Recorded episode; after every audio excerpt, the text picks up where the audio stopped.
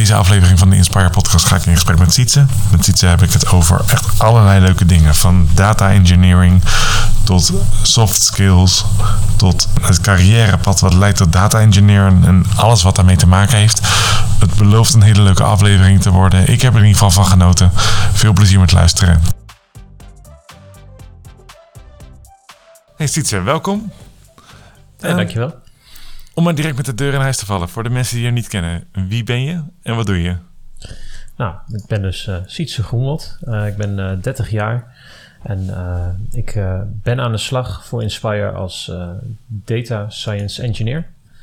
Um, en op het moment kom ik van de ING vandaan, waar ik een paar jaar heb gewerkt als software engineer. En mezelf heb, daar richting data engineer heb ontwikkeld. Hey, en daar gaan we zo meteen zeker dieper op in. En ook uh, hoe je mm-hmm. Alex tegen bent gekomen en waarom je dan de keuze voor Inspire hebt gemaakt. Maar voordat we dat doen, mm-hmm. je bent uh, 30 jaar. Ik neem aan dat je ook een privéleven hebt naast uh, het werk. ja, dat klopt. En een, um, vorige, en, en een voorgeschiedenis met onder andere een rol als leraar. Ja. En daar nou, zijn de luisteraars heel nieuwsgierig naar. Ja, twee dingen. Dus eerst maar even privé. Um, ja, ik, ik hou van heel veel dingen tegelijk doen. Dus uh, ik heb ook vrij veel hobby's, zoals uh, muziek maken. Maar uh, videogame is natuurlijk ook altijd leuk. maar met mensen afspreken, lekker wat gaan koken bijvoorbeeld. Ik heb een mm -hmm. grote familie van een gezin van vijf kinderen. Dus er is altijd ook wel iemand om langs te gaan of die komt langs. Ehm, sporten. Dus eigenlijk een beetje van alles. Is dat gewoon uh, omdat je nergens nee durft te zeggen? Of is dat gewoon omdat je heel veel dingen heel leuk vindt? Ik vind heel veel dingen heel leuk. En het gaat mij voornamelijk om met, met wie je het doet. Dat, dat is voor mij het voornaamste. En als sommige vrienden graag willen sporten, nou, gaan we daar lekker naartoe. Als sommige mensen willen koken, nou, gaan we dat gewoon gezellig doen. Hoe heb je dat gedaan in coronatijd? Um, in coronatijd heb ik dat vrij goed combineren, omdat bij je, mijn vriendenkring uh, ook allemaal thuis werkt. Dus in principe was dat nog vrij goed uh, vol te houden. Um, en natuurlijk uh, met de lockdown mootje, moesten we natuurlijk niet al te veel mensen over de deur hebben. Maar het ging dus iets, uh, in iets kleinere groepen dat we het alsnog hebben gedaan en afgesproken.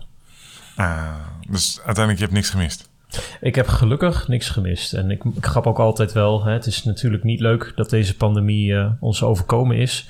Maar ik kan zeker de positieve zaken er, eruit zien. Want alle tijd die ik uh, twee uur per dag reizen uh, heb teruggewonnen van werk uh, heen en weer. Dat investeer ik juist in dit soort leukere dingen. hey, dat, dat zegt natuurlijk wel wat. Um, in ieder geval, ik zie daar direct een, een, een, haakje om over iets van jouw karakter te hebben. Dat stukje positiviteit. Ik merkte dat ook al in ons voorgesprek. Mm -hmm. Mijn gevoel zegt, en het is even aan jou om dat te, te corrigeren als dat niet zo is, dat je van nature positief bent ingesteld. Klopt dat? Ja, dat klopt zeker. Um, misschien niet helemaal van nature. En uh, mensen wel bijna denken dat we een script hebben, maar dat niet, is niet zo. Want het is een hele mooie brug naar mijn ook voorgeschiedenis. Um, want ik ben uh, begonnen na mijn middelbare schooltijd uh, aan de studie docent wiskunde. En die keuze heb ik toen gemaakt. Nou, daar zal ik niet op ingaan, maar voor de wiskunde. maar toen ik bezig ging met doseren, dacht ik: hey, dit is eigenlijk best wel leuk. En dit wil ik meer gaan doen. Uh, toen ben ik uiteindelijk docent geworden. Uh, en ja, toen ik uh, als docent aan de slag ging, ging onze school bezig met een uh, ja, schoolvernieuwingstraject. Waarin ze positive behavior support gingen adapteren. Dus dat betekent, we gaan de leerlingen niet voornamelijk straffen. We gaan de nadruk leggen op de leerlingen belonen voor wat ze goed doen. Mm -hmm. En ik merkte gewoon, dat, dat werkt als een trein. En dat heeft enorm mijn visie op heel veel zaken veranderd. Waardoor ja, positiviteit is toch wel echt mijn uitgangspunt geworden sindsdien. En, en nu is de luisteraar natuurlijk benieuwd. Huh? Je, je aan, ik ben uh, wiskundedocent geweest. Nu ben je data engineer. Twee totaal verschillende werelden. In ieder geval in de ogen van heel veel mensen. Vertel ons eens even, neem ons eens even mee in die stappen. Uiteindelijk, je zit nu bij Inspire. Dat laten we nog heel even achterwege. Dat bewaren we zo meteen. Maar hoe maak je de transitie van wiskundedocent naar uh, data engineer? Ja, nou, dat, is, uh, dat is niet vanzelfsprekend inderdaad. Maar het is wel goed uit te leggen, denk ik. Um, want zoals ik zei, voor mij ging het in principe voornamelijk voor de wiskunde. Um, maar ik, ik, was docent, ik vond het heel leuk. En wat ik daaraan merkte was, als je ergens mee bezig bent en je doet er heel erg je beste voor, dan wordt het vanzelf ook veel leuker.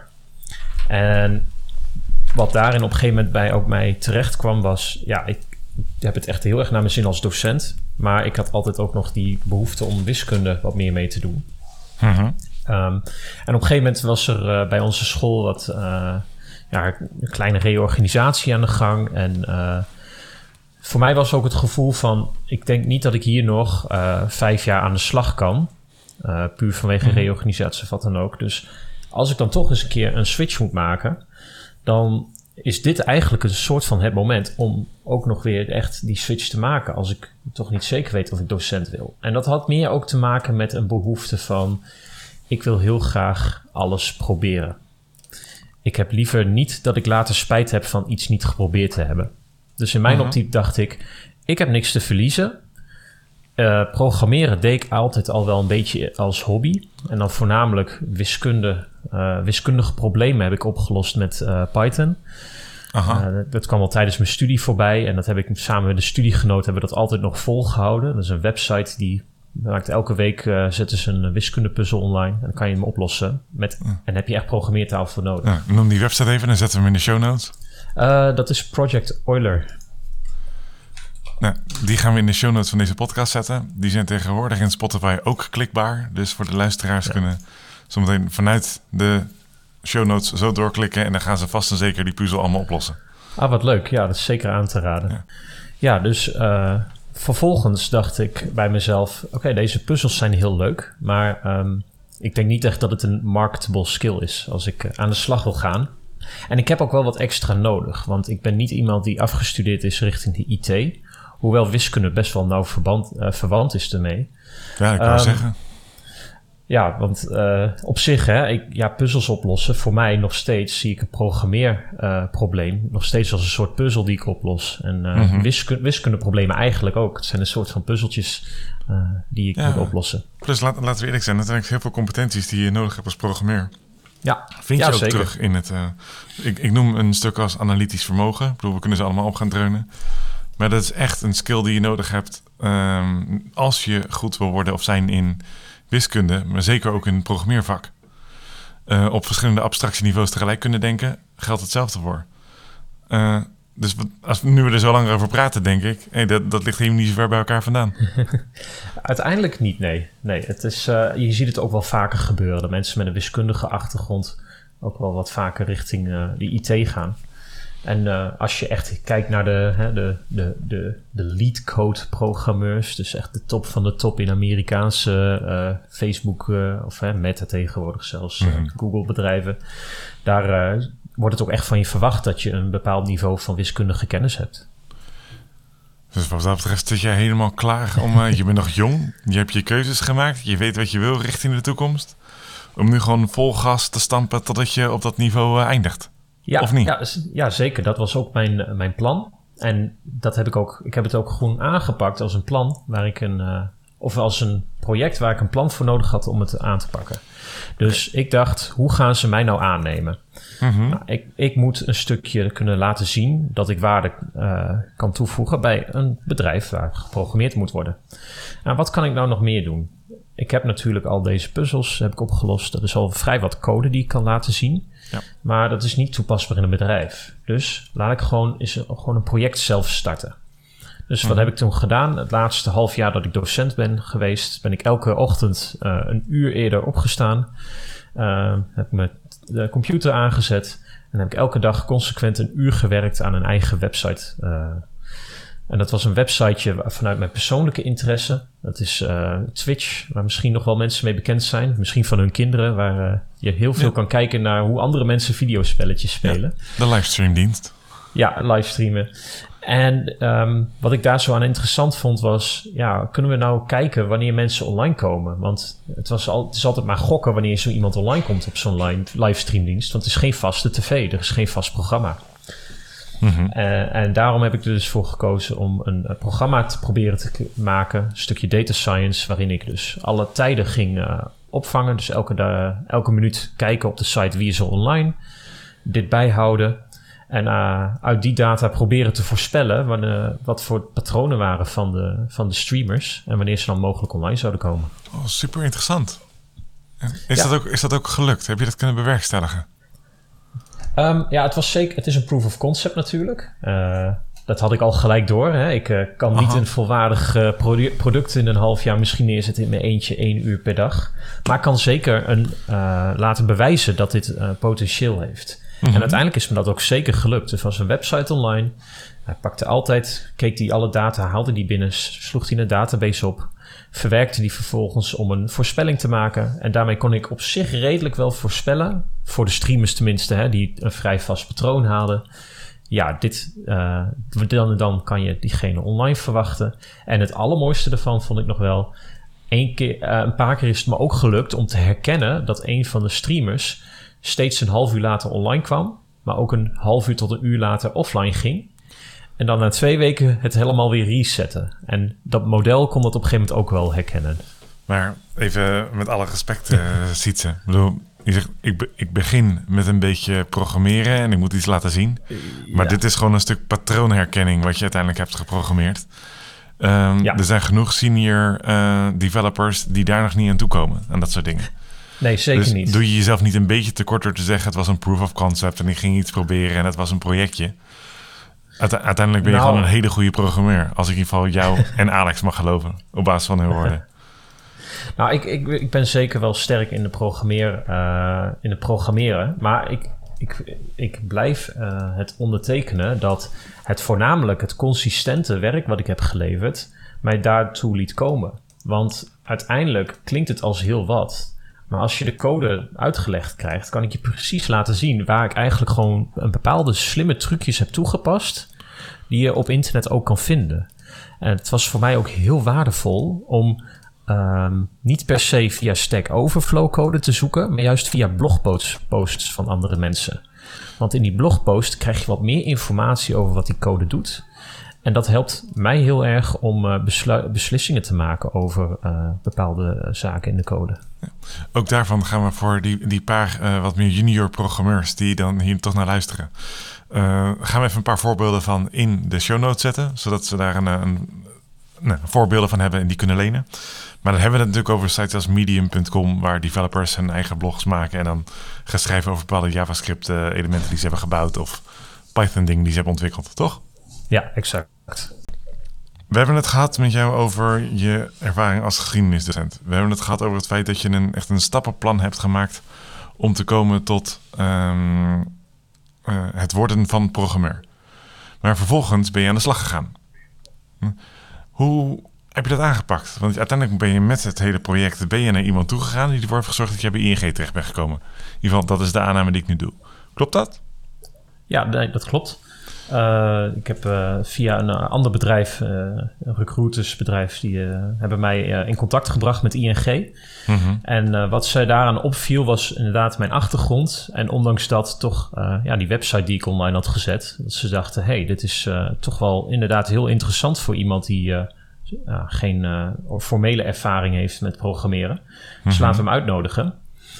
En ja, tijdens dat eerste gesprek werd het al vrij snel duidelijk dat ze echt iemand zochten die ehm, vooral een bepaalde mindset had. Veel meer dan een bepaalde ja, hoeveelheid aan kennis of ervaring. En dat is ook echt mijn, eh, de manier geweest waarop ik binnen ben gekomen. Als iemand die snel leert en ook gewoon de dingen oppakt. Eh, en als ik iets niet weet, ervoor zorgt dat of ik erachter ga komen hoe het, eh, hoe het in elkaar zit. Of ook gewoon vragen aan andere mensen en kijken: hey, wat is hier nou een mogelijke beste oplossing voor? Hey, maar nu kom ik er even terug waar we er straks waren, hè? bij jouw positivisme en bij je karakter. Want dit wordt bijna een soort, wat heb ik nou nodig om programmeer te worden, podcast. En dat is helemaal niet echt, dat is ook prima. Maar wat ik jou hoor, is om te beginnen een positieve mindset. Hè? Een tweede moet je een stukje analytisch vermogen hebben. En als derde moet je zeker eh, gewoon eh, een stukje zelflerend vermogen... of in ieder geval de bereidwillig zijn om op internet op zoek te gaan naar bronnen die jou kunnen helpen om stapjes voorwaarts te zetten. Ook dat vraagt om een bepaalde proactieve houding. Ik hoor je tussendoor consistent zeggen. Hè? Iedere dag een uur eerder opstaan, maar ook in je code. Hoor ik jij zeggen, eh, heel consistent doorvoeren van code en goed kunnen uitleggen waarom je welke stukjes hebt gebruikt. Ehm, zijn er nog meer eigenschappen die er uiteindelijk voor hebben gezorgd dat jij eh, die baan hebt gekregen in de tijd? Of zeg je van nee, dit, dit is toch echt wel de, de recap, de reden waarvoor ze mij gekozen hebben? Ik, ik denk dat dit voornamelijk het is. Als we dan echt iets meer kijken naar de iets tastbaardere skills. Wat ook wel enorm heeft geholpen en wat mij nog steeds elke dag helpt, is mijn uh, docentenervaring. Want uh, als docent doe je eigenlijk niks anders dan zes uur per dag, gemiddeld, hè, um, een presentatie geven van een half uur. En vervolgens een half uur lang vragen over die presentatie beantwoorden. En mensen helpen. Uh, ja, ik help de leerlingen opdrachten maken die te maken hebben met de uitleg die ik net heb gegeven. Dus het is ook nog eens een stap verder helpen. Ze echt ervoor zorgen dat wat je ze net hebt uitgelegd, ze ook enorm goed begrijpen.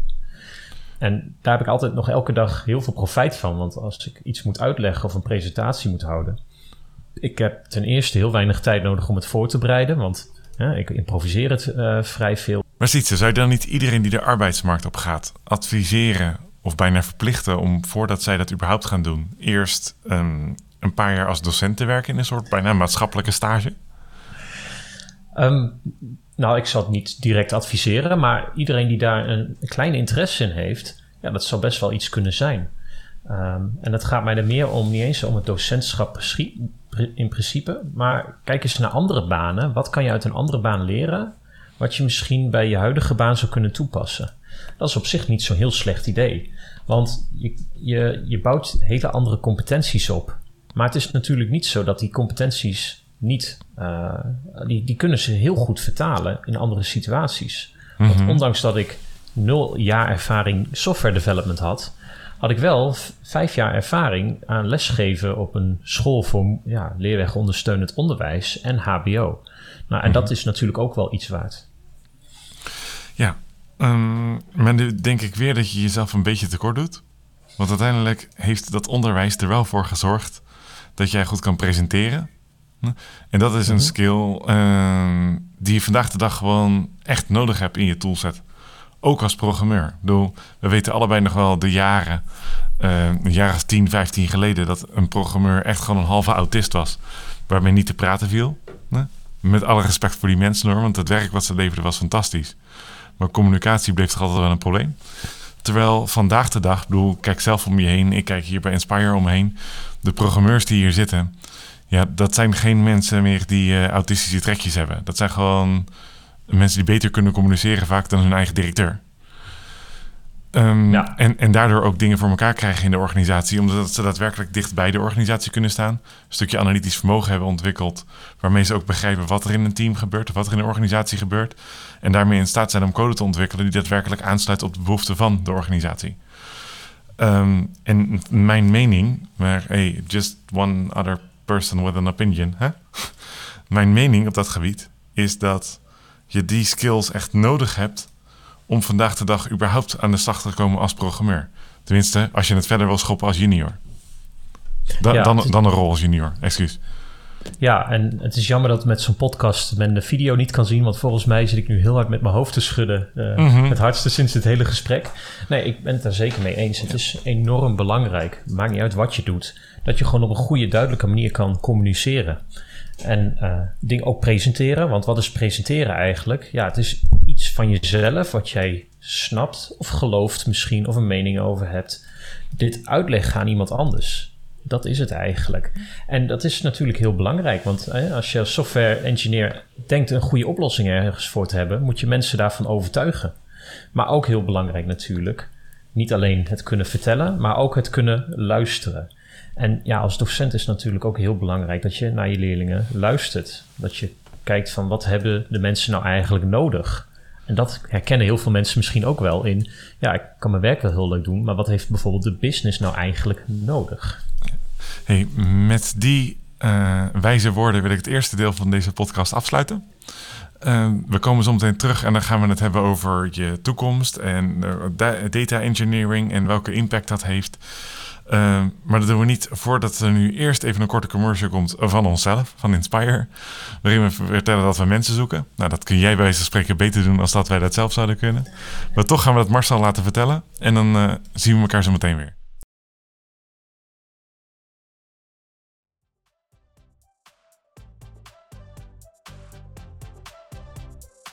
Deze podcast wordt gemaakt door Inspire.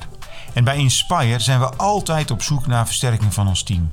Dus zoek jij een omgeving waar lol en plezier, professionele ontwikkeling en elkaar helpen om een betere consultant te worden voorop staat?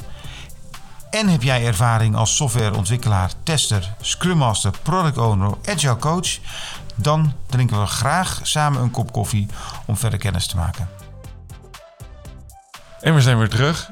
Um, Sietse, in deel 1 van de podcast gingen we het hebben over uh, wat je hebt gedaan, je verleden, je achtergrond, wie je bent en et cetera. En nu in het tweede deel van de podcast wil ik het iets meer hebben over de toekomst. Uh, startende bij het feit dat recentelijk Alex naar me toe kwam en zegt: We hebben een nieuwe aanwinst. Ik ben er super blij, neem, super blij mee. En zijn naam is Sietse. Mm, daar is een traject aan vooraf gegaan. En waar ik dus nieuwsgierig naar ben, is van hoe heb je nou je keuze voor Inspire gemaakt? Hoe is dat gebeurd? Hoe ben je bij Alex terechtgekomen? En wat is nou uiteindelijk je reden om voor Inspire te kiezen?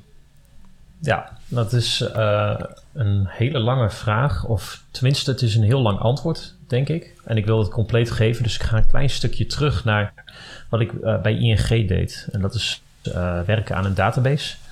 Cassandra, dat is een NoSQL database. Ik zal je niemand daar heel erg mee vervelen met de technische details. Maar waar het op neerkomt is, het is een hele grote database van heel veel servers die aan elkaar gekoppeld zijn. En dat kan gewoon heel snel uh, antwoorden geven en data opslaan. En omdat dat, ja, dat soort werk, hè, niet per se het schrijven van software, maar toch werken met het opslaan van data en daar, uh, dat als dienst leveren binnen ING, dat, dat wekte bij mij de interesse voor data wat meer. Um, dat heb ik altijd al wel gehad. En ik, uh, ik grap ook altijd wel. Toen ik jong was, speelde ik niet alleen videospelletjes. Ik, uh, ik speelde ook spreadsheet daarnaast. ik ging alles in een spreadsheet invullen om uh, ja, mijn character de maximale stats te geven, zodat hij zo sterk mogelijk was. En dat was dan de helft van het spel voor mij al. Dat uitzoeken en ja. een probleem optimaliseren eigenlijk. Ja, maar dat was de tweede helft van het spel was eigenlijk heel kort. Want dan, dan speel je het binnen no time uit. Ja, dan moet je het daarna nog even doen natuurlijk. Maar uh, ja, soms kan je daar langer uh, tijd aan kwijt zijn dan het spel zelf spelen. Dat lijkt wat dat betreft net programmeren, hè? De, uh, de voorbereiding of het uitdenken kost soms meer tijd dan het daadwerkelijk schrijven van die vier regels code die de impact maken. Exact, ja, een soort probleem dat opgelost moet worden, hè? een soort puzzel. Precies. Ik stoorde je in je verhaal, ik laat je lekker verder praten. Ja, dus um, dat, dat zit, zat altijd ook al een beetje in mij met data bezig. En, um, maar op een gegeven moment was ik bij ING drie jaar aan de slag. En toen dacht ik, ik uh, keek om mij heen en ik zag heel veel collega's die al wat ouder waren. Ik merkte aan dat ik toch vrij jong was. En we hadden ook wel wat andere jonge collega's. Uh, waar ik steeds meer mee ging samenwerken. Maar waarvan ik ook merkte, dit zijn dus mijn peers. En toen keek ik ook heel erg naar hen op. Van wat, wat zorgt er nou voor dat zij al direct deze stap hier naar ING hebben kunnen maken? Want ik had, hè, het docentschap had ik daar echt bij nodig om hier mm -hmm. te komen. En dat hebben zij niet. Dus wat hebben zij wel? Wat kan ik nog van hen leren? Hè, wat ik dus ook heel goed kan gebruiken, hopelijk.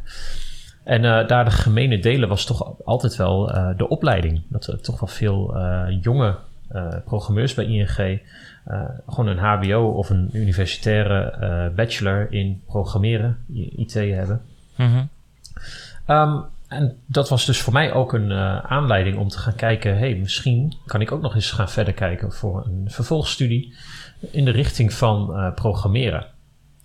Nou, en dat bleek zeker wel mogelijk te zijn, maar um, ik heb ook heel erg naar mezelf gekeken met, ja, ik werk nu al vijf jaar. Studie was altijd, vond ik altijd heel leuk, maar het kostte me ook heel veel tijd. Dus ik moet een verstandige keuze gaan maken. Laat ik dus iets kiezen wat ik ook heel erg leuk vind, wat dichtbij mij ligt. Nou, en toen kwam ik eigenlijk vrij snel kwam ik op data uit. Uh, toen heb ik even rondgekeken. Nou, mooi in de buurt bij uh, de Universiteit van Amsterdam wordt uh, de Master in Information Systems en Data Science gegeven. Dat is een mond vol. Ja, dat is een mond vol. Het, uh, de twee termen zijn eigenlijk wel perfect toepasselijk. Want information systems, nou dat is natuurlijk een stuk IT en programma's en programmeren. Maar ook hè, dat wat ik uh, noemde bij ING, een database leveren. Um, en naast de information systems ook het data science. Dus echt werken met de data en die voor jou laten werken. Nou, het, het klonk voor mij als een perfecte combinatie, waardoor ik heb, uh, die keuze heb genomen om daarmee te starten in een uh, parttime traject, om in, binnen twee jaar die master te voltooien. Dat, dat, dat klinkt als een zware opgave. Nu, het klinkt als een, een zware opleiding en als je die dan binnen twee jaar doet, dan moet je wel echt fully committed zijn om dat überhaupt te gaan bewerkstelligen. nu ja. past dat op zich wel bij jouw positieve karakter. Hè? En het feit dat je een bepaalde achtergrond hebt. Dus ik, dus ik zie het niet als Mission Impossible, zo gezegd. Maar kun je daar iets meer over vertellen? Wat heb je nou nodig om dat te gaan doen? Want ja, er zijn, even met alle respect, er zijn hier zoveel mensen in de omgeving die roepen van ik wil nog wel een studie gaan doen. Maar die krijgen het niet voor elkaar, puur door gewoon tijdsgebrek. Ja. Um, nou, ten allereerste moet je inderdaad de tijd, laat maar zeggen, ervoor hebben, slash ervoor maken. Want we hebben allemaal 24 uur. En als ik het mhm. dus kan, kunnen anderen het ook. Maar je moet gewoon voor jezelf ook eerlijk zijn. Is dit een keuze die ik wil maken op dit moment? Um, en ik kan dit ook nog altijd wel herleiden aan een van mijn uh, docenten van heel lang geleden. Die zei ook tegen mij. En ik vroeg een keer tegen hem van, nou, ik, ik heb eigenlijk niet zo'n hele goede cijfers met, uh, met Frans. Uh, en ik wil voor Frans wat betere cijfers halen, maar hoe doe ik dat nou precies? Want ik, ik heb het gevoel dat ik al alles doe. En toen zei hij tegen mij, nou weet je wat het is, Sietse? Je moet vooral jezelf beseffen dat als jij voor Frans die tijd wil maken, moet jij die tijd ergens anders vandaan halen. Dus je moet iets opofferen en dan komt die tijd vanzelf tevoorschijn om dat te doen. Hmm. Nou, dat was voor mij voor studie eigenlijk ook hetzelfde geval. Ik heb voor mezelf een bewuste keuze gemaakt. Ja, ik kan misschien wat minder uh, leuke dingen doen, wat minder videospelletjes spelen, series kijken. Sporten ga ik niet op inleveren. Maar uh, ja, die studie, twee jaar even uh, zonder de leuke, leukere dingen, wat minder, is op zich ook wel goed te overzien. Naast natuurlijk het feit dat, zoals ik al noemde, ik heb op, opzettelijk de keuze gemaakt voor data science, wat mij goed ligt. Dus ik ben er ook enthousiast voor. Het voelt niet alsof ik huiswerk heb. Het voelt alsof ik mag werken aan een leuk hobbyproject. Mm -hmm. en, maar dan toch, als ik je zo hoor, hoor praten, je gaat voorbij aan heel veel psychologische principes die niet zo heel normaal zijn voor de meeste mensen. Bedoel, mm -hmm. Om te beginnen, de meeste mensen denken, ja, als ik een oké cijfer heb voor Frans, weet je, dan, dan, dan laat ik het daarbij. Dus dat is om te beginnen al iets uitzonderlijks. Het tweede ding is natuurlijk dat überhaupt het hele besef dat, ja, dat je dat tijd in balans zet, is altijd 24 uur. En dat je dat moet gaan verdelen, helemaal op jongere leeftijd. Ik bedoel, begin 20, hoeveel mensen beseffen dat? Uh, dat zijn er niet zo heel veel. En dan ben ik toch heel even nieuwsgierig. We gaan het over de toekomst hebben, maar vertel me heel even in het kort, in een minuutje. Uh, waar komt dat vandaan? Is dat een stukje opvoeding? Is dat een stukje. Heb je iets meegekregen, een levensles? Waar, dat, moet ergens vandaan komen, dat kan niet anders. Um, ja, dat is een hele goede vraag. Ik, ik denk, ik, ik, ga er nog later nog meer over nadenken. Maar voor nu heb ik denk ik ook wel een antwoord. Um, het zit hem ook heel erg in het feit dat die wiskundige kant voor mij, dat is mijn um, manier van werken en manier van denken, denk ik eigenlijk. Want voor mij klinkt het eigenlijk vrij logisch. Als er iets gebeurt, dan neem ik de informatie tot mij. Ik verwerk het, ik denk erover na. hey, moet er misschien iets mee gedaan worden, ja of nee? Mhm. Dus dit, ja, wat jij ook noemt, misschien ga ik flink wat uh, dingen voorbij. Aan het, ja, misschien is dat er gewoon een stukje van hoe ik werk. Um, en zo heeft iedereen hun eigen uh, sterke punten en punten waar ze nog uh, aan kunnen ontwikkelen. Precies. hey, we gaan weer lekker door, want uh, ik gaf je even inderdaad een minuutje. We, we, waren bezig met het traject richting Inspire. Ja. Um, the floor is all yours, opnieuw. dus ik laat je lekker verder praten. Ja, dus voor mijn studie ben ik bezig met een masterthesis om het af te ronden. En wat, het, uh, wat daarbij interessant was, was dat die thesis in principe het liefste zien de docenten dat het bij een bedrijf gebeurt. Mm nou, en ik heb dus rondgekeken naar verschillende bedrijven waar ik dus mijn uh, masterthesis zou kunnen doen. En toen kwam ik met een paar bedrijven in contact. En toen ging ik steeds meer nadenken van... hé, hey, dit zijn toch best wel wat bedrijven die heel veel leuke en interessante dingen hebben... die ik zou kunnen doen. Mhm. En dat heeft eigenlijk een beetje in mij aangewakkerd om uh, eens verder te kijken naar wat ik uh, op dit moment heb. En ja, ondanks wat ik met mijn thesis doe, kwam het eigenlijk wel bij mij naar voren. Ik zit nu al vijf jaar bij ING en ik heb het echt naar mijn zin. Maar ik hoor al deze andere dingen van die andere bedrijven en dat is ook heel leuk. en ja, dan ga ik ook weer terug. Waarom ben je hè, uh, richting programmeren gegaan? Ja, het klonk leuk en ik wil geen spijt hebben van iets niet geprobeerd te hebben. En dat gevoel kwam nu eigenlijk ook heel erg naar voren. Want ondanks naar mijn zin hebben, dus je kan het overal naar je zin hebben. En uh, ik heb dus echt gewoon uh, de keuze gemaakt om daar gewoon te gaan proberen om iets leuks te zoeken. Nou, toen kwam ik eigenlijk vrij snel ook al wel, kwam ik bij Inspire. En dat kwam eigenlijk via een recruiter. Want die recruiter die ging eens met mij zitten. Hij zei, nou wat zoek je nou precies? En toen zei ik, nou ik, ik zoek gewoon leuke, interessante uitdagingen. en het maakt me eigenlijk niet zoveel uit welke technologie dat is. Of welk bedrijf dat is. Het gaat mij om iets wat ik doe, wat ik leuk vind, maar waar ik ook goed in ben. Nou, en toen was het eigenlijk vrij snel uh, via de recruiter. Nou, dan moet je even met Alex gaan praten bij Inspire. Want ja, zij zorgen echt ervoor dat, dat ze echt hele leuke, interessante opdrachten kunnen vinden voor hun werknemers. Ik denk dat jij daar een hele goede fit voor zal zijn. Mm -hmm. en, en zo het geschieden. Jij een gesprek met Alex. Alex vertellen over het feit dat we lol en plezier hebben. Ja? Dat dat het belangrijkste is. Ja.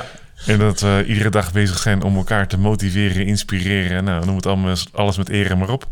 Mm -hmm. um, en zodoende ben je aan boord gekomen nu. Ja. En, Toch? Ja, zeker. Trouwens nog één kleine toevoeging. Tijdens het gesprek met een van de werknemers kwam gewoon ook erg naar me naar voren dat het uh, een soort gelijke geest hier zijn bij Inspire. Wat je net noemde, gemotiveerde mensen die uh, gewoon echt iets leuks willen doen gedurende hun werkdag. Precies. Wat ik zelf merk, wat gewoon heel erg fijn is bij Inspire, is dat um, op het moment dat je aan de slag gaat in een, in een organisatie, dus even gewoon in een, in een groot bedrijf waar jij vandaan komt, nu ook, dan zijn mensen tot op zekere hoogte bereid om in je te investeren of om, om jou het succes te gunnen. Maar het houdt ergens op, want uiteindelijk willen ze zelf ook die plek als manager. Of ze willen ze zelf ook. Je moet, leuk als je je kop over het maaiveld uitsteekt, maar niet te ver. Want dan zijn ze bang dat ze je kwijtraken. Aan de andere kant, als je gaat freelancen, dan is er helemaal niemand die belang heeft bij jouw succes. Dus er is niemand die zonder achterliggende agenda denkt van... joh, ga jij eens een paar uur steken in zelfontwikkeling... of om jezelf beter te maken. Of hier heb je een paar tips waarin je, waar je je moet, verdiepen of een podcast. Dat heb je ook niet. Um, omdat simpelweg je gewoon per uur betaald wordt. En voor de rest moet je het uitzoeken. En wat ik het leuk vind bij Inspire is dat ik zonder dat ik erom vraag 30 collega's om me heen heb die iedere dag zonder een eigen agenda te hebben um, mij een heel klein beetje beter proberen te maken. Dus iedere call die ik heb, ieder telefoongesprek wat ik voer, iedere inspiratiemiddag die we met elkaar organiseren, merk ik dat opnieuw dat uh, collega's tips geven, me helpen als ik niet ergens thuis kom, dan zijn ze er voor me. En samen bouwen op die manier, uh, we maken elkaar gewoon een stuk beter. Dat is heel gaaf om te zien.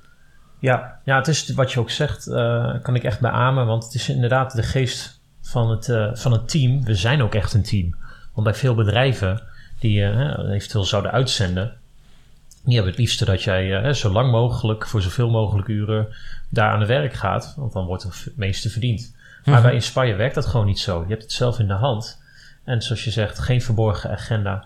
En dat maakt het inderdaad een hele fijne manier van samenwerken. En vind ik een gevoel van saamhorigheid. Je hebt echt het gevoel, ik werk nog steeds bij Inspire. En niet per se, ik word uitgezonden door, maar ik werk eigenlijk bij uitgezonden bedrijf.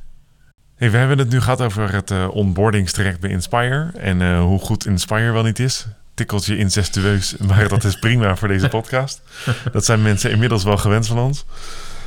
Um, we gaan het even hebben over jouw uh, toekomst. En dan straks gaan we het nog even als laatste vraag even hebben over waar je jezelf over een aantal jaar ziet. En of je die vraag überhaupt wil beantwoorden.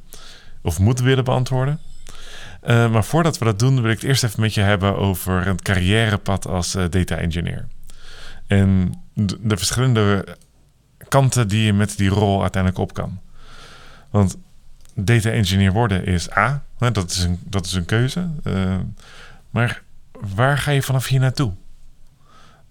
Heb jij daar een beeld bij? Heb je er een idee bij? Of zeg je dat is juist enorm open en je kan juist enorm veel kanten op?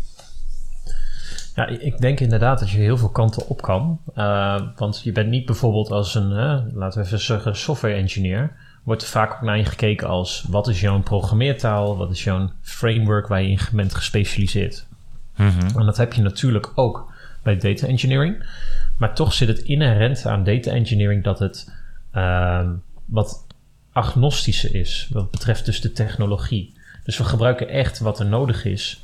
Uh, en je bent, vind ik, ik voel mij minder in een vakje gestoken als data engineer dan als software engineer. Mhm. Dus in dat opzicht is het eigenlijk heel lastig te stellen. Je kan inderdaad heel veel kanten op. En het is maar net ook hè, wat het bedrijf in een data engineer ziet. Sommigen zien data engineer echt als de combinatie van iemand die een uh, database kan, uh, kan beheren. Terwijl andere bedrijven het zien als dit is een, iemand met verstand van data science, maar die ook heel veel business intelligence doet. Maar daarbij ook heel, heel uh, sterk is in uh, het begrijpen van de software systemen. Dus dat is altijd het belangrijkste. Begrijp bij het bedrijf wat er nou precies van jou gevraagd wordt. En uh, ga daar eerst goed naar kijken. Maar, maar als ik je zo hoor praten, dan is data engineer eigenlijk opgedeeld in bijna uh, in de twee woorden die de functie bevat. Namelijk enerzijds mensen die echt bezig zijn met het stukje engineering. Uh, en dat als primaire taak hebben. En anderzijds mensen die bezig zijn met data.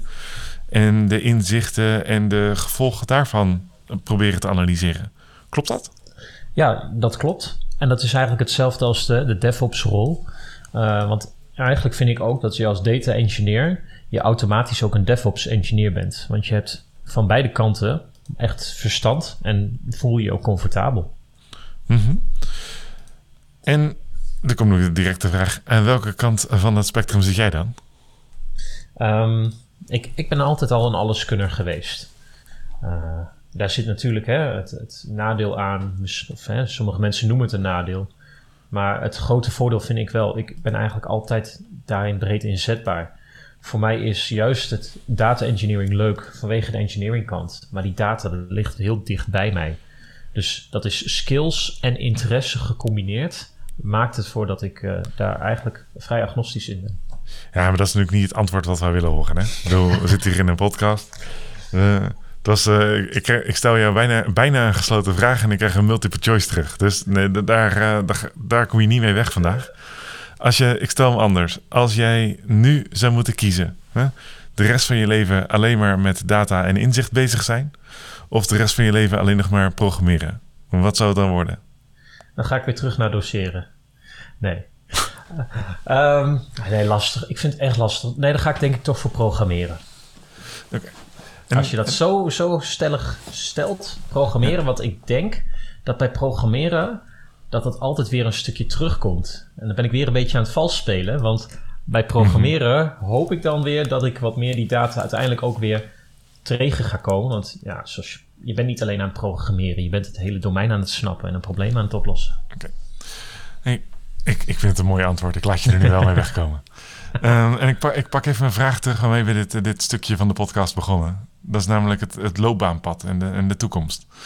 Uh, je zegt je kan heel veel kanten op, maar kun je daar wat, wat voorbeelden van geven? Wat, uh, waar schuurt het nou concreet tegenaan? Is dat meer tegen de, de finance data kant of is dat toch meer gewoon een business intelligence uh, kant? Welke kant moet ik opdenken? Bedoel je voor mij persoonlijk? Nee, gewoon als loopbaan data engineer. Ja. Ja. Nee, ja, dat vind ik lastig. Het is inderdaad alle kanten gaat het op. Want je hebt, je hebt natuurlijk in finance is natuurlijk een groot ding. Maar het is ook voornamelijk bijvoorbeeld bij, uh, bij overheidsinstanties en gemeentes komt het ook steeds meer naar voren. Dus ik denk dat het echt alle kanten op kan. Uh, alhoewel ik denk dat overheidsinstanties en gemeentes op dit moment iets wat conservatief zijn in data engineering en dat soort dingen. Gezien dat, dat... Alle, alle politieke dingen die daaromheen spelen en de gevolgen daarvan en hetgeen er weliswaar met de juiste intentie, maar ook bij de Belastingdienst is gebeurd. Dus ik, ik denk dat, uh, dat, dat, iets, nou ja, dat dat iets minder hard gaat als dat men van plan was het tot uitvoer te brengen. Ja en nee, want in andere op, uh, uh, aspecten is het juist wel weer veel belangrijker. Zo heb ik bijvoorbeeld een, uh, gisteren nog een e-mail gestuurd naar iemand van de GGD. Omdat Mhm. zij met enorm veel dataplots zitten van, ja, met COVID-data. Mhm. Van mensen die genezen zijn, besmet zijn en dergelijke. En waarin zij echt herkennen... hé, hey, wij hebben echt een gebrek aan iemand met kennis van... wat kunnen we nou met deze data? Dus ja, in sommige aspecten zijn men, is, zijn men voorzichtiger... maar in andere aspecten zijn ook gewoon steeds nieuwe interessante dingen ermee te doen. Dat, dat klinkt echt als een oplossing waar ik nog totaal niet over na had gedacht. Maar ik vind het fantastisch dat je die mail hebt gestuurd. Laten we hopen dat, je er, uh, dat er iets moois uitkomt. hey, um, we gaan richting uh, de afronding. Want ik denk dat uh, überhaupt de IT-manager heeft aan dit stukje al iets. Uh, dat hij denkt van, hey, de volgende keer als ik iemand nodig heb die business intelligence moet gaan doen... of een finance director die denkt van, ik wil iemand hebben op mijn risk and control afdeling... die gewoon verstand heeft van data... dan komen ze eens een keer shoppen in de afdeling data engineers. dus ik denk dat, dat dat überhaupt al winst is in deze podcast voor veel mensen. Mm -hmm. Maar ik, ik teaste er net al even naar. Um, en je vroeg het zelf ook al even. Waar zie jij jezelf over een aantal jaar? Nou, dan ga ik mijn best doen om er niet weer een multiple choice antwoord van te geven. Um, maar ik stel hem wel vooraf met, uh, met de conditie dat voor mij het... Het is altijd... Uh, het is altijd afhankelijk van wat er op dit moment gebeurt. En mijn, hoewel mijn plannen nu vrij concreet kunnen zijn, hangt het zoveel van af van wat er op dit moment gebeurt, wat de, uh, de laatste developments zijn. Um, maar dat gezegd hebbende, ja, waar zie ik mijzelf over een paar jaar? Waar ben ik mee bezig? Nou, ik hoop dus echt dat ik uh, bij Inspire uh, veel interessante nieuwe inzichten kan opdoen bij verschillende opdrachtgevers. Mm -hmm. Um, dat zie ik, zoals ik al zei, ik zie het voor mij voornaamste belangrijk dat ik mezelf echt nog een stuk kan ontwikkelen. In Mhm. de zin van verschillende ervaringen. Dus ik heb die studie nu gedaan. Nou, nu ga ik bij meerdere bedrijven hopelijk in de keuken kijken. Mhm. En ik hoop dus dat ik heel erg uh, veel opdoe. En dat ik dit kan toepassen en uh, ja, een stukje kennis kan delen binnen in bedrijven zelf. Of hè, tussen bedrijven uh, daar die kennis uitdelen. Um, en ja, data engineering is dus een manier om dat te gaan doen. Maar waar gaat het naartoe? Ja, ik denk toch dat uh, als je een stukje verder dan kijkt naar een stukje ja, data architecture, solution architect, dat dat gewoon een soort aanverwante posities zijn waar er gewoon heel belangrijk is dat er domeinkennis is, dat men uh, uh, beslissingen kan maken op basis van data, mm -hmm. om daar ja, st grote stappen in vooruit in te zetten met het bedrijf. Ik vind het een fantastische afsluiter. Nou. Ja? Hey, ik wil jou danken voor je tijd.